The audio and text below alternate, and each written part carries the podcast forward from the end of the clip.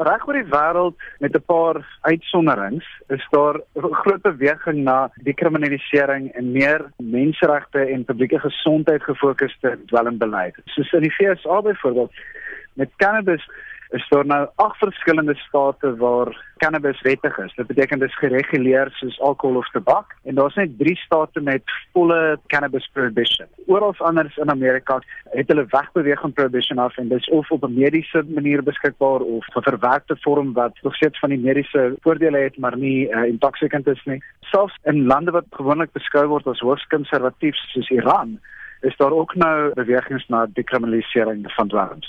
Wat is die resultate wat hierdie mense kry? Daar's eintlik geen metriek waarop verbieding van dwelms en kriminele regstoepassing approach tot dwelms positiewer uitkomste het as meer regulasie gebaseerde of dekriminalisering gebaseerde beleid nie. Jou publieke gesondheid uitkomste is beter, jou misdaad is laer, die skade aan individue en die samelewing, daar's navorsing oor hierdie. Daar's geen navorsing wat ten gunste van die sogenaamde war on drugs is nie. Kan hierdie benadering in Afrika werk?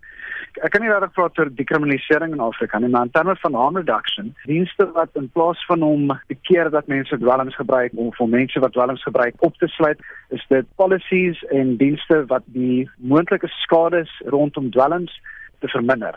Dis goed soos naaldtrail programme en opleiding oor hoe om veiliger dwelms te gebruik. Hierdie tipe dinge word gedoen in Afrika. Daar's 5 lande in Afrika met harm reduction programme.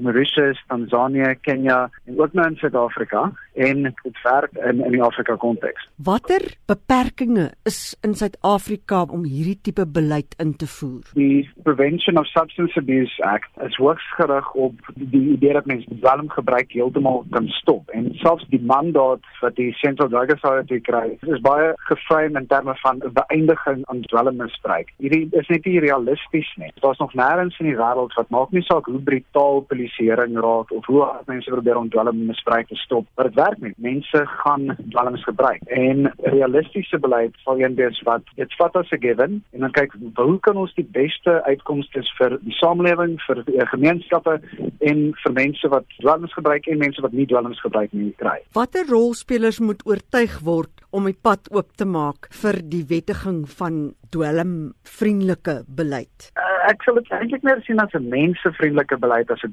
dwelmvriendelike beleid. Die bestaande beleid, die dwelms gaan aan, dis maar die mense wat ly. Die publiek is natuurlik verskriklik belangrik want die beleide wat politikuste nastreef is gewoonlik nie noodwendig gerig op wat die evidence sê nie, maar ook op wat vir hulle gaan stemme kry. En as die publiek 'n uh, hoogs punitive idee het oor hoe om dwelms aan te spreek, die idee dat dit slegte mense is wat dwelms gebruik en ons moet hulle straf en dit is verskriklik dat hulle nie langer toegesluit word nie, dan is dit wat politici gaan sê.